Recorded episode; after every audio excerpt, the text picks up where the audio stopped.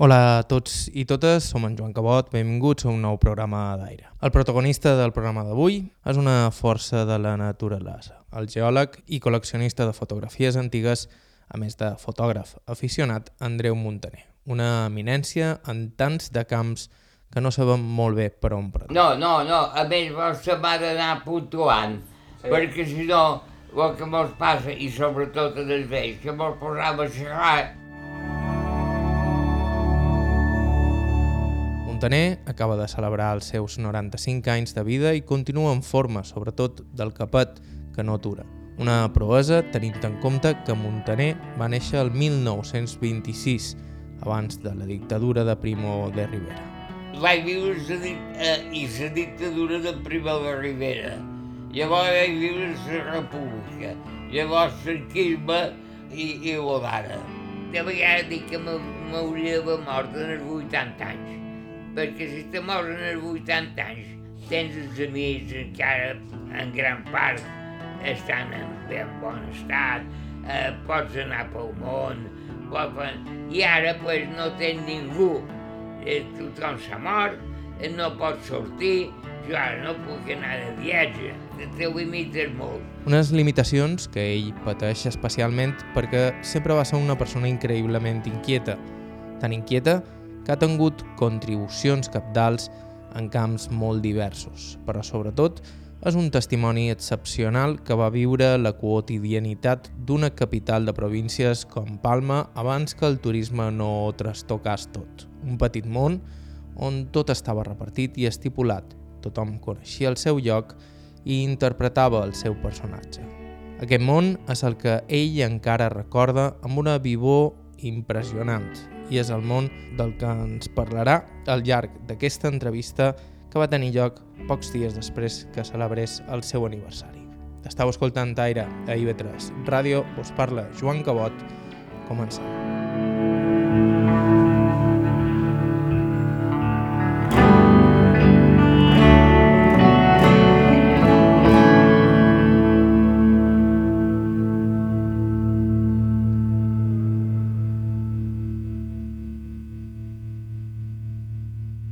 I ho fem a l'Avinguda Argentina de Palma, a la part alta, però al cap i a la fi en el mateix carrer on va viure durant molts anys Andreu Montaner i on va viure tantes i tantes coses. Ell mateix es presenta. Jo soc Andreu Montaner i Darder.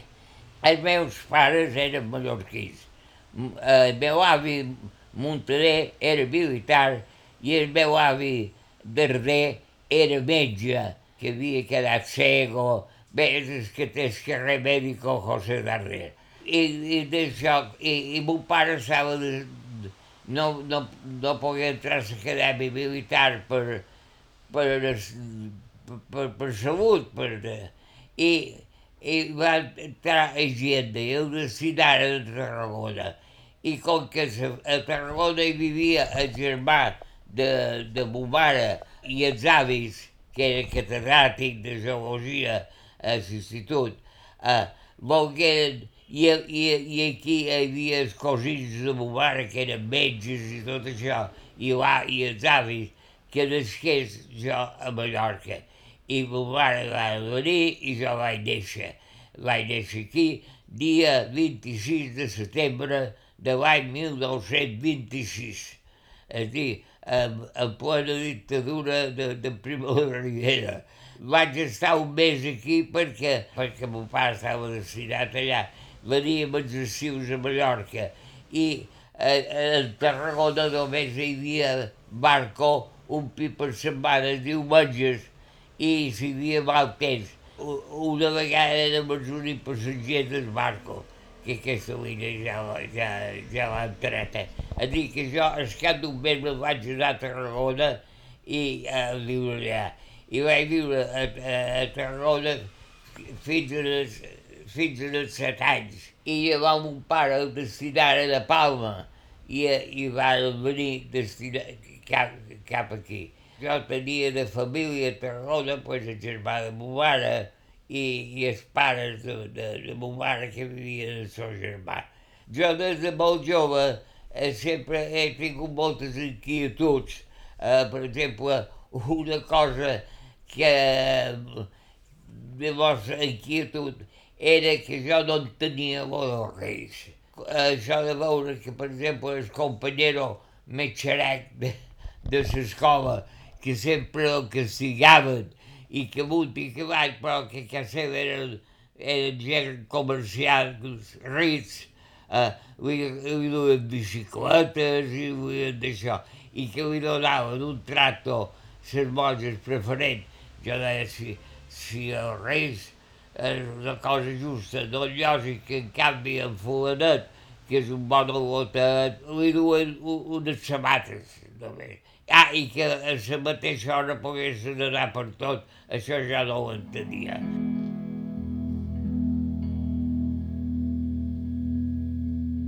Una vegada eh, les monges mos mostraren eh, el microscopi una formiga i me va dir la monja, eh, ho feia mirar a tots, diu, què t'apareix això? Dic, que una màquina de fer mentides.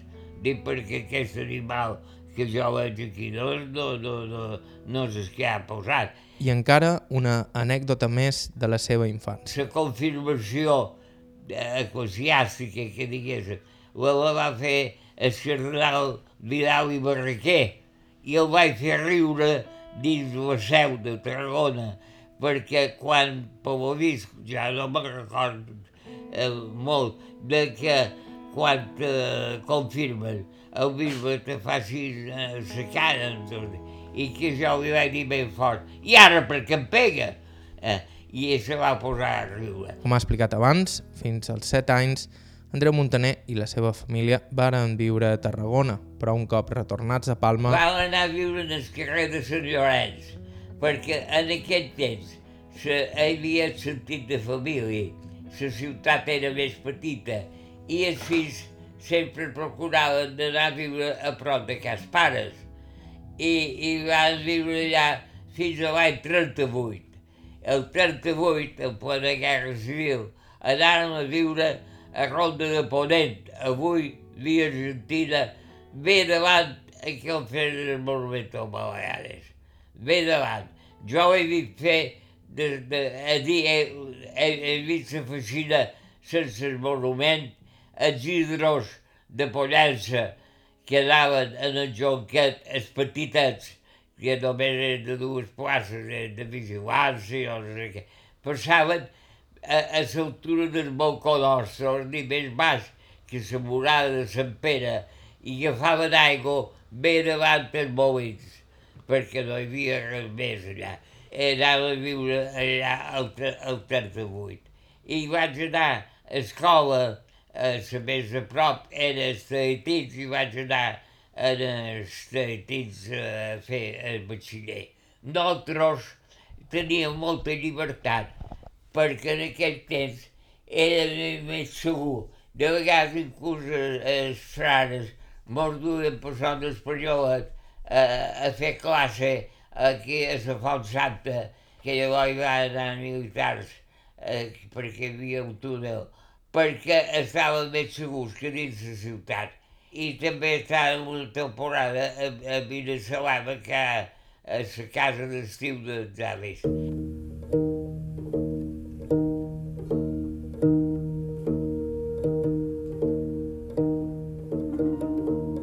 Vivint a Palma, just davant del que ara és el Parc de la Feixina, Andreu Montaner va viure fets tan insòlits com l'enfonsament del creuer Baleares, en els anys de la Guerra Civil. Un dia a Ca Nostra eh, estava voltant de balcó, començàvem a veure passar gent i camions amb batalassos eh, eh, posats en terra i quatre ambulàncies i molt, molt un, un, i la gent que passa han, han fonat el Balear i ara estan enterrant els Canaris i el barco inglès.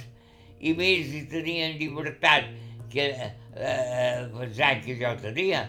Eh, M'on anàrem amb un companyeros cap a la seu i del mirador vèrem entrar al Canaris i el barco inglès tot mascarat de, del foc i que s'enduen els, els ferits i havia un, bueno, un, un desgavell en el sentit de que la gent estava espantada, perquè a més, fent un incís, aquí, quan va fallar el moviment, ningú sabia més que es que anaven així a organitzar això. No sabien de què anava tot això. Prova d'això, els, els mil de falangistes que se feren en aquell temps, les coses no anaven bé, tampoc, perquè la república era de científics i de d'això, i, i no eren polítics. I, i els obrers, la gent que, que, que, que ho passava mal, malament, eh, també era molt eh, ignorant. I se creen que un canvi de govern consistia en que els governadors nous venien en les butxaques plenes de més i que ho arreglaven tot i al revés. Sempre que hi ha hagut una, una revolució és perquè és una època de depressió i de misèria. I ja dic, la gent no sabia de què anava. Mon pare, com era funcionari d'Hisenda i l'avi s'havia mort dos anys antes de tenir coronel i mon pare volia ser militar i no podia ser, i tenia amics de, de quan se preparaven, total, que mos passejava per Palma i jo conec les ametronadores a, a, a davant de Cervantes, però jo havia anat a les col·legis Cervantes, perquè aquella va ser com a cobrant, a passar al govern civil, a la telefònica, i després coses desagradables com veure d'atendre gent de, de, docent detenguts i, i les filles i se plorant i tot aquest desastre. I la gent no sabia què punyetes passava. I jo me record que des de la guerra ja dit anàvem a veure on havíem bombardejat i, eh, eh, i sortíem quan tocava l'alarma per anar al refugi. Si era la casa nostra, ma mare se cuidava dels més petits i jo i el meu germà anàvem per, per, per, per viure, que diguéssim i és de la defensa passiva. Anau de refugi, de... no per els avions, i veiem els avions per, per haver Sant Sant Joan, a, a altura, els antiaeros que es flotaven de l'hora. De, estan molt lluny, no mos arribaran. I mos feien anar a, a, a, refugi. Després record la por que hi havia, perquè així tot feien creure a la gent de que eh, hi havia uns automòbils elevats, havien dut aquí, que per, per entendre-se'n d'aquí escoltava la ràdio republicana, que diguéssim. I, i, i efectivament, nosaltres mateixos, mon pare havia comprat una ràdio, que encara la tenc, el 35, i, i, i amb una manta eh, escoltaven Ràdio Barcelona o Ràdio Madrid, l'hora que passava, que deia, i llavors havia de, de moure el dial, perquè si no movies el dial i venien d'una falange i trobaven el dial de Barcelona, ja havia rebut. I n'hi havia un de Frescales, perquè també hi havia gent que, que eren més bé traïdors del moviment, perquè venien i te deien escoltar la ràdio Barcelona? No, que sí, perquè nosaltres ho sabem per aquest aparat que tenim miri, una de dues, o li fem una denúncia i li prenim a la ràdio i vostè se'n va a canvi, o, o vostè mos entrega la ràdio i aquí no ha passat res. I, i, i, i d'aquesta manera anàvem pillant, pillant ràdio. I en quant a de Baleares, eh, hi ha que tenir en compte que és un assumpte molt desagradable perquè a vegades va matar molta gent a, a Màlaga i en canvi aquí hi havia molt de voluntaris, uns per salvar son pare d'anar a la presó i els altres perquè era una novedat i, i una lot. Jo tenia amics majors que jo i una lota de 7 anys o 16 anys vestit de mariner a un barco i, i fent fent instruccions, això, i quan passava un oficial saludava a l'oficial i l'oficial li tornava el saludo. Això era, era molt, molt, molt emocionant per un, per un aguat. I ja dic, i, i moriren, i a lots de 14 anys. Eh, en fi, va ser una tragèdia. I aprofitaré per dir que considero que el monument no l'han d'esbocar, l'han de reconvertir, molt bé, però els romans encara tenim arts romans, l'aqueducte de Segòvia no l'esbocaren, i, i quan que se va fer l'unificació d'Espanya, que els reis catòlics eren anticatalanistes, que diguéssim, els escuts en les barres no els varen treure mai. Després se'n va a la llonja, se'n va a la seu per tot, i hi ha escuts de la corona d'Aragó, i ningú se li va ocórrer eh, eh, canviar-los. Nascut el 1926, Andreu Montaner conserva molts més records dels dies de la guerra, entre ells el d'anar a cercar menjar a la fora vila del terme de Palma o més enllà a Sa Pobla, una pràctica habitual en els anys de la fam, fins i tot entre famílies en teoria benestants com la seva. Quan va acabar la guerra civil, anar a cercar menjar. I jo amb 14 anys, amb una bicicleta que em deixaven, anava per la dioteria i per això veus si podia comprar quatre patates i un pot de pa.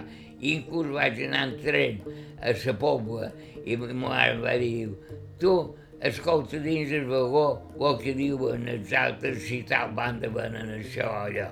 I tu ves darrere el grup que vegis que saben on van.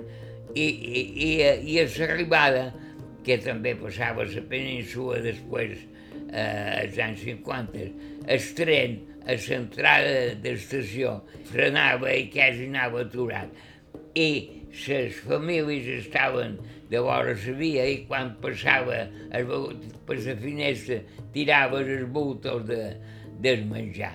Això va ser de la guerra civil. I veure els barcos, i com que no hi havia la malícia d'ara, perquè ara si, si dins una zona militar passa un moix, el agafen en el moix, perquè no saben si el moix una bomba dins la panxa i en aquest temps els zoològics eren inofensius i els animals també. És a dir, que anàvem per Jonquet i mos aturàvem a la maestrança que llavors va passar per Llença i mos deixàvem veure els avions i tocar els avions. I això mos omplia de, de, de goig. Un goig comprensible en aquella palma petita i provinciana que Andreu Montaner va viure en primera persona i de la qual l'escoltarem parlar en uns segons. Estau escoltant aire a IB3 Ràdio, fem una brevíssima pausa i en uns segons tornem. Hola de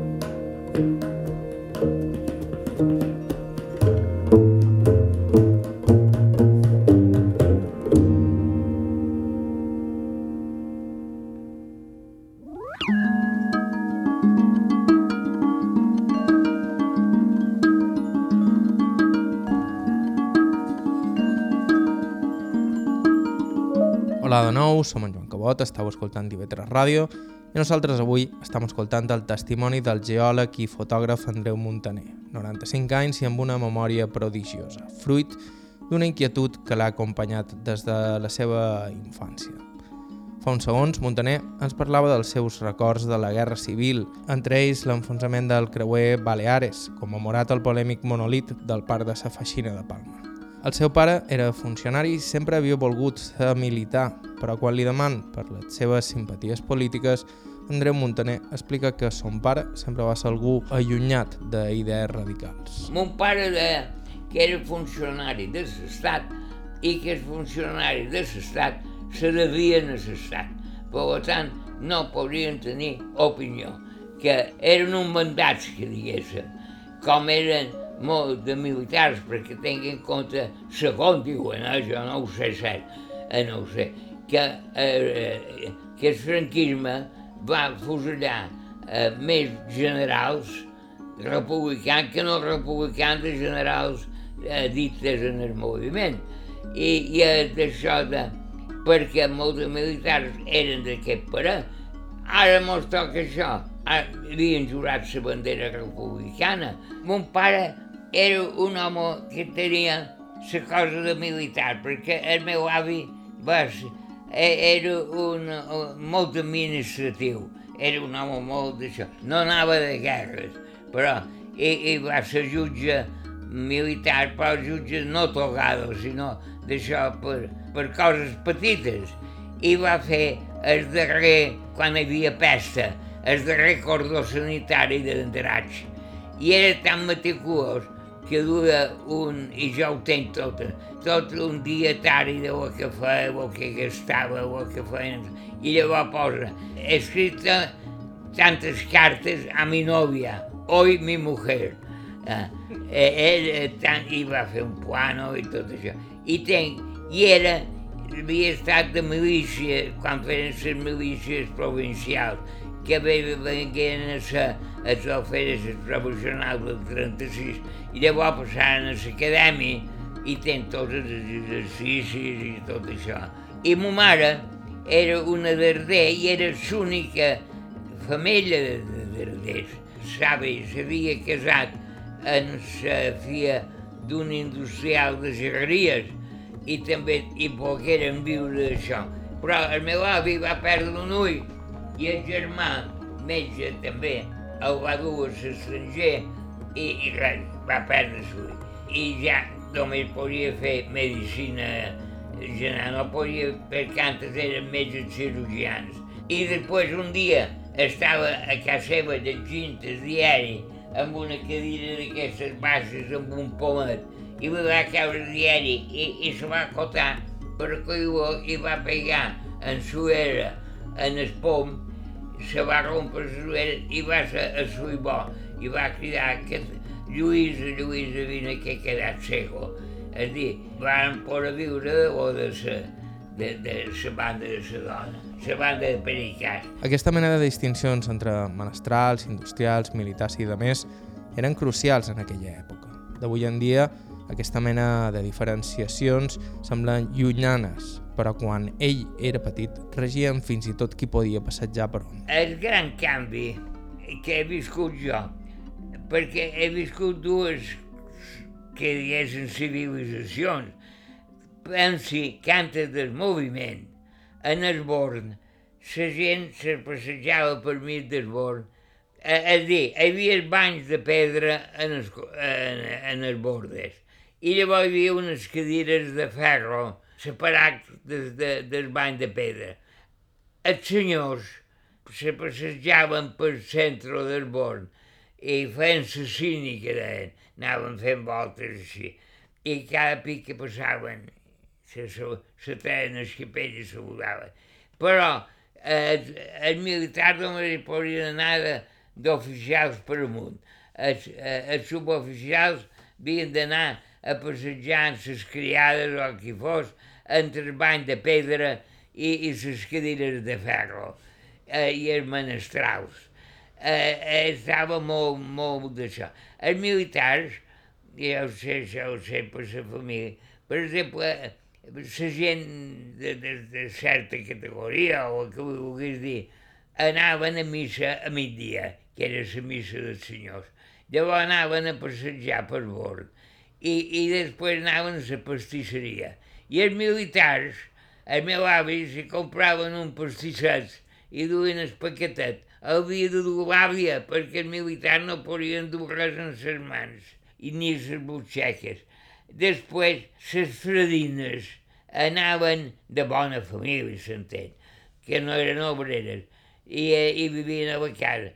Anaven a missa en la criada si no anaven en la mare, i anaven a les 40 hores, anaven a les novenes, hi havia les novenes, fins i tot hi havia una novena diuen a la seu, que la dirigiu el canonge, perquè a les aprenentes de modestes els de sortir nòvio. I els canonges anaven tot, tot ben vestits, hi havia un, un, un porter molt, molt diferent. I, I llavors, com vull dir, de les classes socials, el fill d'un carboner, si era un bon abogat, era igual que fos fill del carboner. Si era canonge o un capellà conegut, era ben igual que fos d'un carboner. I si era militar, el mateix. En canvi, tots els altres, up, fins que hem arribat. I d'on ha sortit aquest? I, i, i qui és aquest?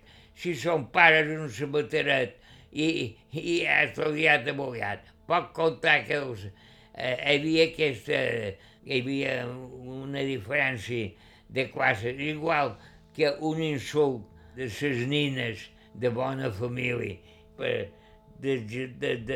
desjettar una, una ninoja. Ala, ves, si no ha anat mai un col·legi de pago. Com se nota que no ha anat un col·legi de pago. Això per una banda. Després, els criats, eh, eh, hi havia, els xofers solien anar amb polaines i, i uniforme d'això, de la gent poderosa. I conten de gent estrafalari que es decanen, eh, que, tenien son vida. Aquest la portella que hi ha al col·legi d'arquitectes, un dels darrers propietaris, se posava una camia només un pic. És dir, si de cap vespre s'havia de canviar de camia, n'estrenava una altra. Si se treia una peça de formatge a la taula i s'encetava, aquella peça no tornava a la taula. I un dia diuen que el xocolater del carrer d'en Morell li va dir podria parlar un moment amb vostra mercè? Diu, sí, no, faltaria més. Diu, miri, diu els seus criats s'enduen tant de xocolata d'aquí que encara que en donguin a menjar en esquilats, no és possible que els acabin. Ah, molt bé, gràcies d'haver-me avisat. I va cridar l'administrador i va dir, a partir de demà no aneu a comprar més xocolata en el carrer de Morell perquè s'ha atrevit a fer-me els comptes. I així s'arruïnaran. I a França, en el Moulin Rouge i tot això, hi va haver una sèrie de famílies que s'arruïnaren anant allà. Hi havia un cabaret a París, que allà tenia una combinació que si els agradava figurar o això, pagant una propina o això, el, el que feia de, de, de com a porter amb tots aquells uniformes, eh, feia pam, pam, sus senyoria los, los condes de tal, i entraven. Hi havia un mallorquins que se feien passar per no, i, i se gastaven molt de l'obres amb això. Anaven allà i pagaven en el porter i, i quan entraven, pam, pam, sus senyoria vos marqueses de tal o, o de qual aquesta raça dominant va ser genialment retratada a Mort de Dama per Llorenç Villalonga. Andreu Montaner, per la seva part, el que retrata és una palma on no hi havia ni aigua corrent i els fanals encara anaven amb gas i els encenien i apagaven a mà cada dia. Aquest temps no hi havia aigua corrent. L'aigua corrent la posaven de la República en, Sobal de Darder, que era cosí de ma mare i, i les cases tenien un pou negre per les aigües brutes, perquè no havia cantaritat, i llavors tenien cisternes. Hi havia una quantitat de tifus perquè les aigües se mesclaven i se solventava de la següent manera. De la font de la vila baixava una canalització de tubos de test. A les fonts, per exemple, en el carrer d'en Ballori, hi havia la font de Can Aixona, que era la font de, dels meus antepassats, que, que eren forners, però que en els fills mai els feren forners, els feren un metge, en feren de capellans, en, és a dir, que les filles eren les que se casaven en el forner que llavors venia. I se va casar. El meu avi era darrer ensenyat perquè s'havia casat amb la filla de l'ensenyat que tenia el fort i va tenir un, el tio Tomàs que va ser metge, el meu avi que va ser metge, uns ser superior de la Mercè o no sé què, i llavors filles. És dir, eren gent de nou rics, que diguéssim, però de bona deixona, perquè en aquest temps s'ha de tenir en compte que hi havia tres estaments l'estament de noblesa, l'estament eclesiàstic i llavors hi havia l'estament popular, que era el populatxo, que diguéssim. Ara bé, en el circuit mallorquí no se van admetre mai ni xuetes ni comerciants, perquè eh, per exemple, un, un senyor no podia estar assegut en el circuit mallorquí a de veure el seu sastre, a de veure el seu sabater, perquè moltes, en aquell temps, més que indústries, hi havia els oficis i, i els, els criats, els deien criats en les ordenances, no els deien ordenats, no, criats, i no podien dur barba. La barba era exclusiva per, per, per socis.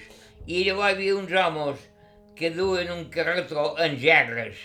I de aigó, aigó, pel carrer. I tu els donaves la gerra buida i ells te donaven una gerra plena i els apagaves. Després venien les peixateres i, i predicaven el peix. Llavors hi havia un mariner que havia, que molt, eh, hi havia hagut més d'un, que havien perdut una mà o dues per mort de que pescaven en dinamita i un que havia pescat en dinamita i havia perdut una mà se va fer com un tubo posat a la muñeca per passar en el braç de, del carretó allí, i, i el braç aquest, allò de la curvat del carretó era recta i ficava eh, d'això. I venia cebes, venia meló, el que hi havia en aquell temps. Després l'electricitat no, no he més començava a haver-hi vagues electrificats de, de fanals de carrer. Els fanals eren de gas i jo em record l'avi en, el, en el balcó que veiem passar l'home de la canya, que duia una canya d'espeuma de, llarg, com un cuc d'espelma de, de, encès, i, i un ganxo, i obrien el ganxo la clau del fanal i encenia el gas. I llavors, a la matinada, passava altra vegada, apagava en el ganxo, tancava el gas, i com a anècdota, el 36, el 36 ja estaven electrificats molts, o pràcticament, pràcticament tots. Però posaren, per lo vist, a alguns cantons, tornaren a posar llum de gas perquè almenys la gent s'orientàs on anaves, perquè anava per carrer, havies d'anar cantussant o qualque cosa perquè no te tropasses en, en la gent. I amb aquest fanal sabies que allò era el cantó de talga. I anaven pintat de blau, com els fanals dels cotxos. Els fanals dels cotxos, els farols, anaven pintat de blau i duien una mitja lluneta sense pintar per donar llum en terra. Llavors hi havia les festes de barri i posaven paperines i feien festes, el ram, tot. És a dir, era una cosa més fam familiar. Jo em. Ah, llavors una altra cosa, les festes de Nadal i les de Pasco eren festes religioses. La gent no viatjava en aquest temps, perquè no hi havia mèdics ni agències ni això. I anàvem d'infants a veure la parentela i, i, i el sentit de família arribava que si doncs anem a, a, a casa tia aquella i qui és aquest? Si és cosina de la nostra, de, de, de l'àvia, cosina de l'àvia, a dir que és parentès, així com avui ha desaparegut, com aquell que diu. Eh, en aquest temps durava molt i anaves a, a, a felicitar tota la família. A més, les dones, si en els 40 anys o 50 se moria son pare, o sa mare, o un fill, o l'home, ja se posava de dalt i no s'atrevia a dur un vestit enforjat i duien aquells mantos com una monja. Jo he vist ma mare encara, quan va morir son pare, amb un manto fins en terra, ja heu de dur braçalet negre en el d'això. No podíem anar al cine en dos mesos. I, eh, era una, una altra manera de, de ser. Era Andreu Montaner, geòleg, recent fets als 95 anys. En uns segons parlant precisament de com va començar la seva afició per la geologia, on ha destacat, i per la seva altra gran afició, la fotografia. Estau escoltant Taire, us recordam que ens podeu seguir via podcast a qualsevol dels agregadors disponibles. Fem una pausa i en uns segons tornem.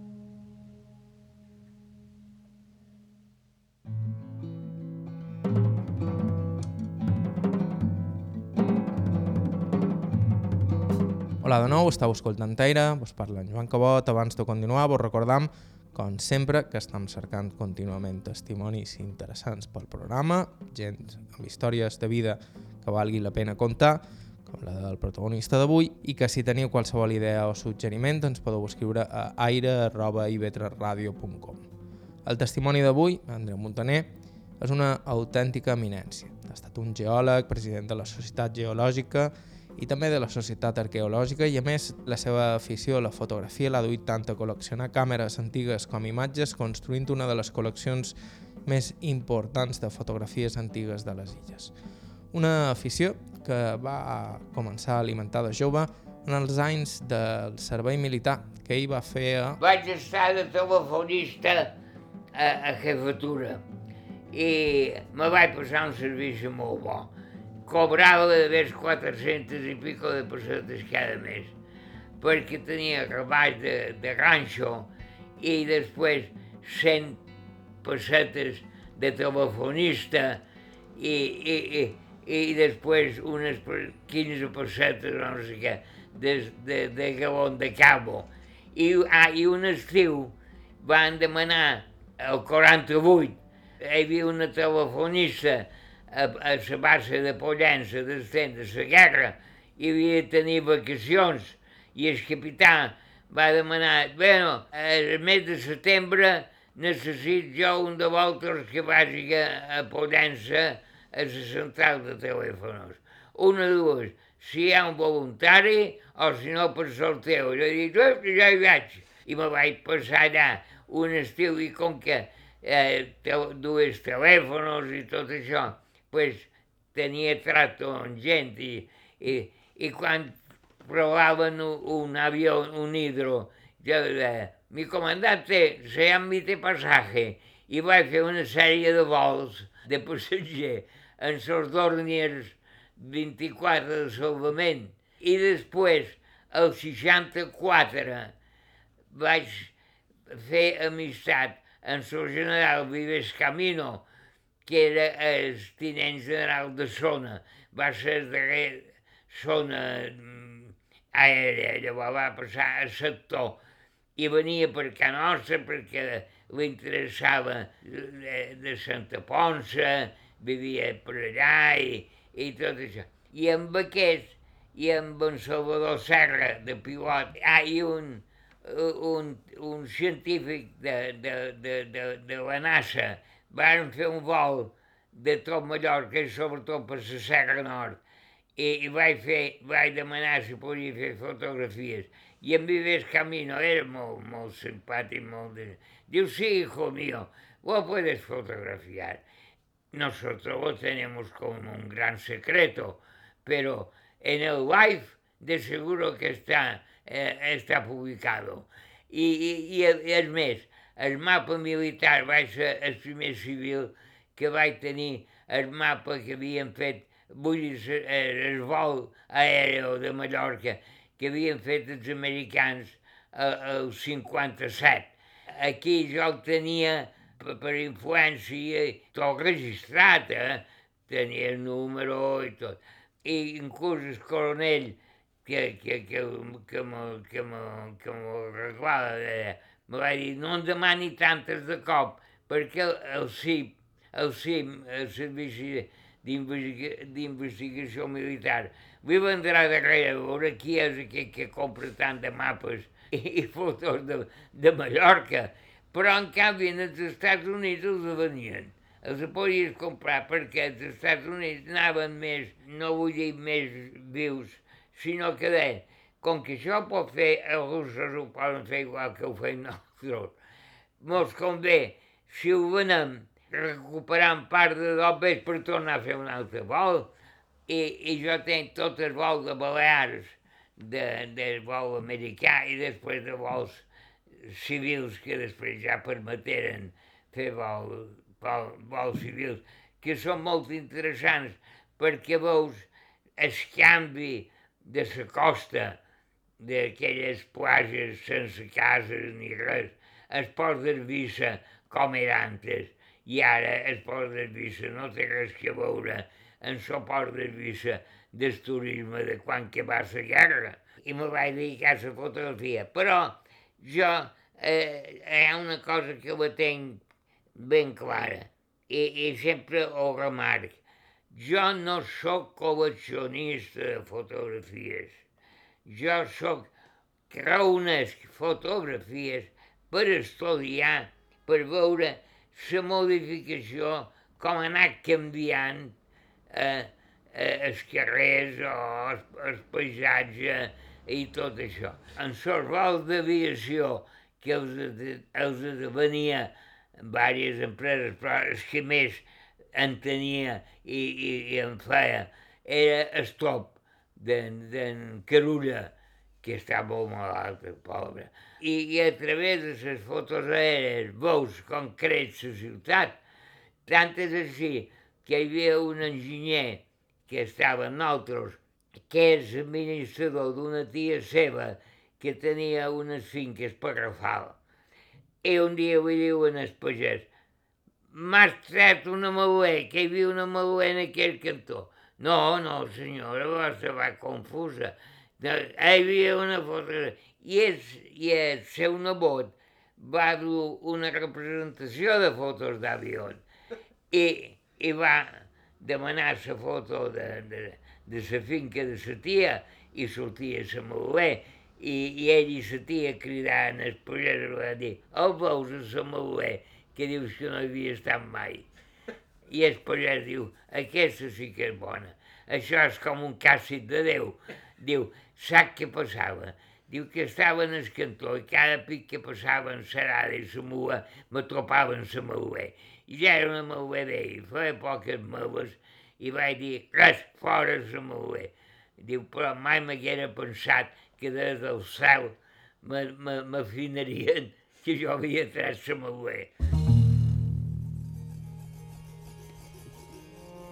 I després, quan vaig haver fet el servici militar, va ser, me vaig dedicar a, a geologia i feia feina amb, un cosí meu, perquè aquest tio meu era geòleg i, i tenia unes col·leccions de fòssils i llavors tenia, havia tingut una col·lecció de fòssils amb un cosí seu que és el que va salvar-la i tot això. I jo de voltat ja se'm mirava el meu tio de que li duia pedres que quan sortíem a passejar si veu una pedra brillant o això.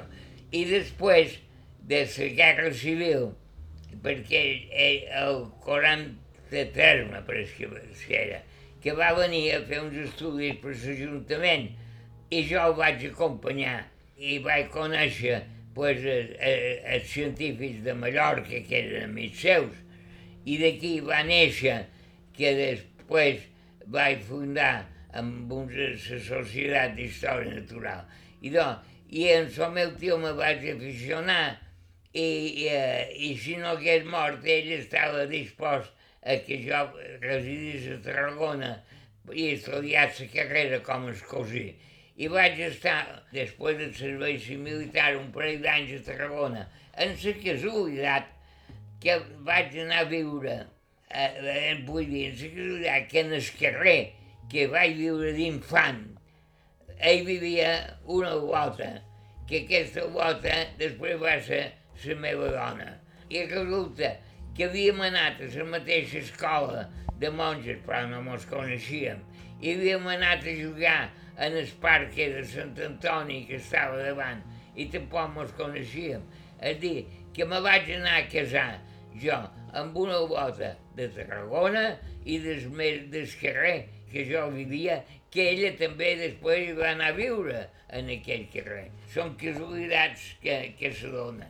I ja dic, i vaig agafar l'afició de, del meu tio i l'acompanyava en els estudis. I arrel d'aquests estudis i les excursions que feia habitualment, també va anar familiaritzant-se cada cop més en la fotografia, que facilitava la feina a l'hora de documentar les seves troballes. Que anant d'excursió, com que jo era molt inquiet i cosa, me deixaven eh, màquines de retratar. Només vull dir que el meu professor de química, que a diumenges anàvem a vegades d'excursió en bicicleta i dormíem a Gaudobert a una casa seva, i m'arrenyava i me posava ceros tota la setmana. Érem amics cordials els diumenges. No mesclàvem l'ensenyança en l'excursió. I, i, i me deixava la màquina també de retratar. I, i així me vaig anar aficionant i, i fent fotografies d'excursions. I després, quan fèiem ciència ja, quan fèiem investigacions, era un gran ajuda perquè allò de fer un croquis d'unes roques, d'un jaciment, per, per llavors fer els estudis o publicar-ho, fes fotografies. Quan me vaig jubilar en el 64, és aquí quan vaig dir, bueno, eh, llavors vaig deixar, vaig seguint els consultint d'aigua, però llavors vaig deixar, vaig dir, no, no, no, eh, vida nova i me vaig dedicar a fotografia. I encara vaig trobar bona època. És que va trobar una època magnífica va ser en Alemany, que és la biblioteca alemanya, és, és fabulosa. I me vaig dedicar a comprar màquines de retratar objectes per fer fotografies i després postals i fotografies. I clixés, entenc mils i llavors vaig heredar d'una sèrie de parents aquestes petites col·leccions que s'havien salvat de família, perquè la gent és curiós, sobretot les dones, eh, ho feien molt, que així com tornaven majors, destruïen les fotografies de quan eren més joves, perquè deien que quan se miraven en el mirall i miraven la fotografia, eh, agafaven una neura, com aquell que diu. Per Andreu Montaner, el que importa d'aquestes fotos no és tant un tema estètic, sinó històric. Es tracta de poder contrastar el passat amb el present. Els meus antepassats eren industrials i, i tenien diverses fàbriques. I d'impalma ja no hi cabien. I les darreres fàbriques de d'impalma murallada varen ser eh, que on hi ha l'institut, eh, el Passeig Mallorca, que, que, era, que li deien sort de Moranta, davant, eh, davant el fronton balear, l'altra banda de, Murat, de, de Torrent de, de Riera. I ella era l'única banda que, que hi havia una fàbrica. I començaren a fer les fàbriques de la Soledat. Com que no cabien aquí, va començar la Soledat eh, amb, amb Sorribes. I, i després de la Soledat començaren per aquí, per, per Santa Catalina, i hi havia una, una indústria, una quantitat de fàbriques d'una construcció magnífica. Hi havia moltes, moltes fàbriques. I hi ha les guies antigues, sobretot n'hi ha una que haurien de tenir tots els mallorquins, que la reeditaren, que era del Cànter a Penya, i Ediciones Cort, la reeditat. I hi ha allistat 1.800 i pico en primeres fotografies d'aquell temps.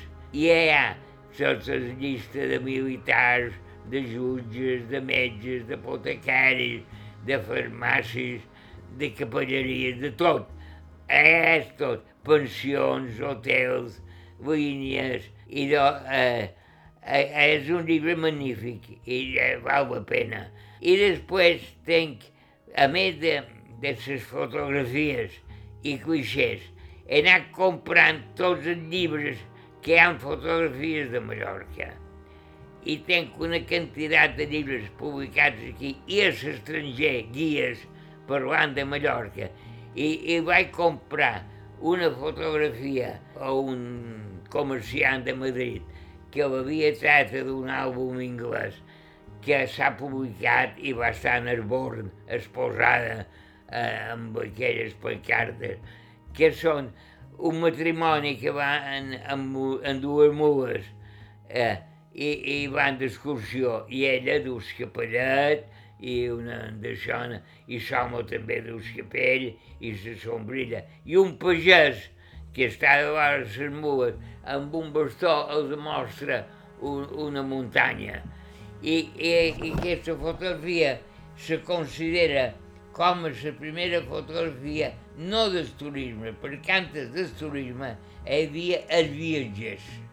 Els viatgers eren gent de dobbes, molt d'ells, o aventurers. I, i podien venir a l'època de l'any que els donava la gana i podien pagar-se l'estat d'aquí. I molts d'ells escrivien un llibre de memòries o tenien un àlbum particular a fotografies. Com a anècdota d'ara, vengué un estranger d'aquests, un anglès, eh, que venia dos dies a Mallorca i va fer quatre fotografies i publicar una guia de Mallorca. I se va topar per Sant Jordi amb un camell de, de, de Mateu Campet, que va ser famós en Mateu Campet, que tenia tres camells fermat a la porta d'una casa de camp i en el llibre posa la fotografia del cabell fermat en, a, de vores portal de la casa i posa en el cesto de que Mallorca eh, els pagesos tenen els camells fermats en el portal de la casa.